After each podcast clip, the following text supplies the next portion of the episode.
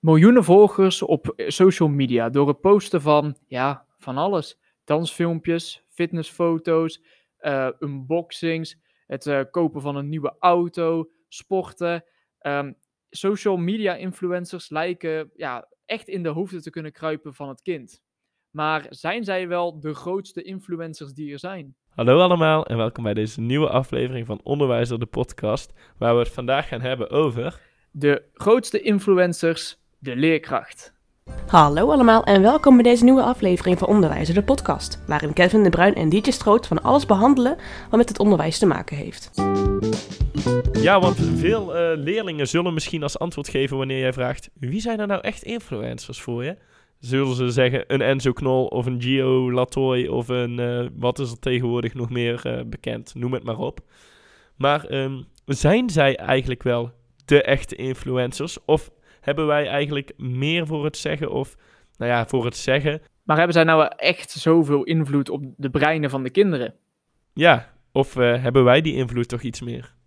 Nou, er zijn meerdere onderzoeken gedaan naar die positieve invloed die ja, social media influencers hebben. En nu blijkt dus uit Brits onderzoek dat ja, de leerkracht eigenlijk een veel grotere invloed heeft op ja, het mens zijn. Ja, en daarbij is het opvallend dat eigenlijk um, het grootste deel van de mensen die meededen aan het onderzoek zelf van tevoren dachten dat beroemdheden meer um, invloed hadden dan uh, leerkrachten.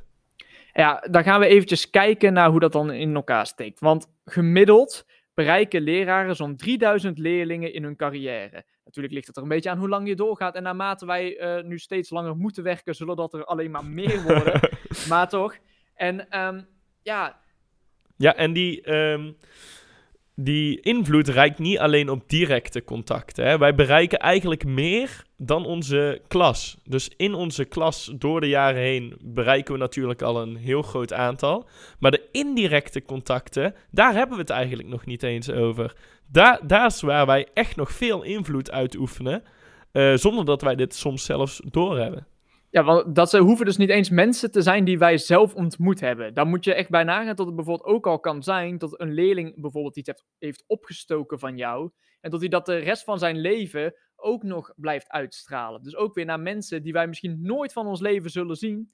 En dat effect, dat, uh, ja, tot het een soort van olievlek is die uitloopt, dat noemen ze het spillover-effect. Dat is dan te vertalen naar het overloop-effect.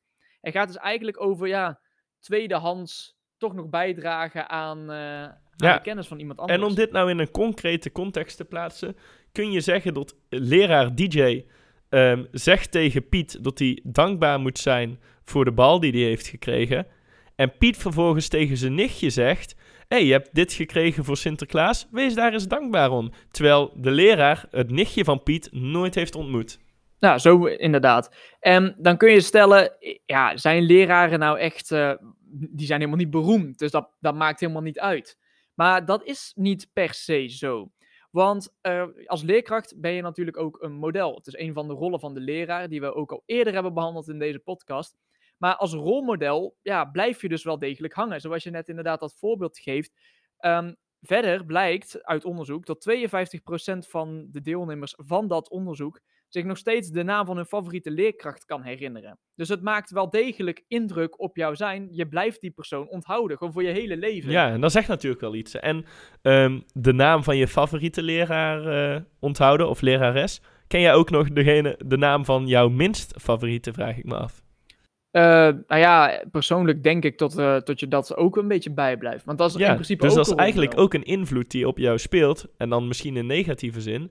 Maar ik denk dus dat je in beide gevallen, um, als je influencers heel letterlijk vertaalt, uh, dat de leerkracht toch misschien nog meer invloed uitoefent. Dan wel in positieve, dan wel in negatieve zin.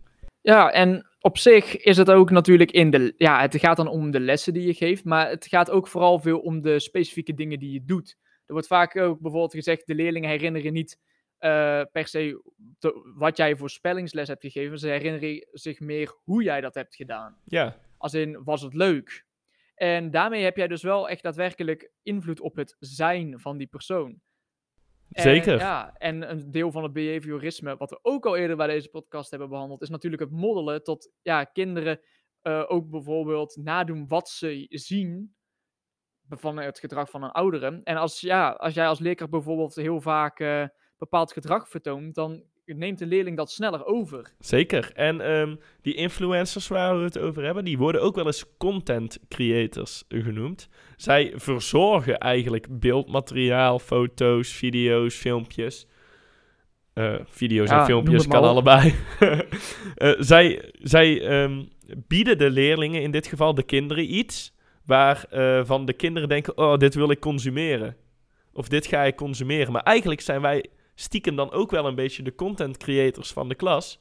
Want wij, wij creëren iets dat door de, door, door de leerlingen wordt geconsumeerd. Ja, en eh, ja, vaak wordt er ook zo, je maakt je leerstof zo, of je maakt je werkvorm zo, tot het kind ook gemotiveerd wordt. Dus dat hij het eigenlijk ook wil doen. Je wil ze motiveren met je werkvorm. Dus ja, de content die je maakt, bied je ook op zo'n manier aan dat het consumeren ook makkelijker gaat. Mhm. Zou de, de invloed van leraar, lerares dan ook... ehm, ehm, ja, hoe moet ik het zeggen? Bij, bij de leerling, even vanuit de leerling gekeken... zou de mate van invloed met de jaren vervagen, zeg maar? Of zou die invloed altijd hetzelfde blijven? Ik denk dat eh, het ook vooral is dat het steeds meer eh, onbewust gaat. Je, je Ja, neemt het ja. eerst heel bewust over misschien. En dan ga je op een gegeven moment, wordt het steeds meer onbewust deel van jou Mhm. zijn. En dat is natuurlijk ook wat je bij familie en bij vrienden doet. Maar omdat, je, ja, het is natuurlijk, als je gaat kijken naar een, een hele dag van een kind. eh, stel je zou kijken naar die 40-urige werkweek. Kinderen zitten toch wel al gauw, hoeveel uur per dag? Een stuk of ze- zes of zo?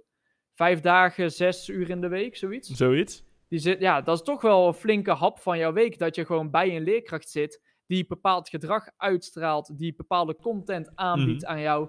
Ja, het is logisch dat je ook stukken overneemt en tot dat dan ook groot deel wordt van jouw zijn. En als je eens gaat denken aan jouw eh, basisschooltijd. Je hebt dan een vriendenboekje.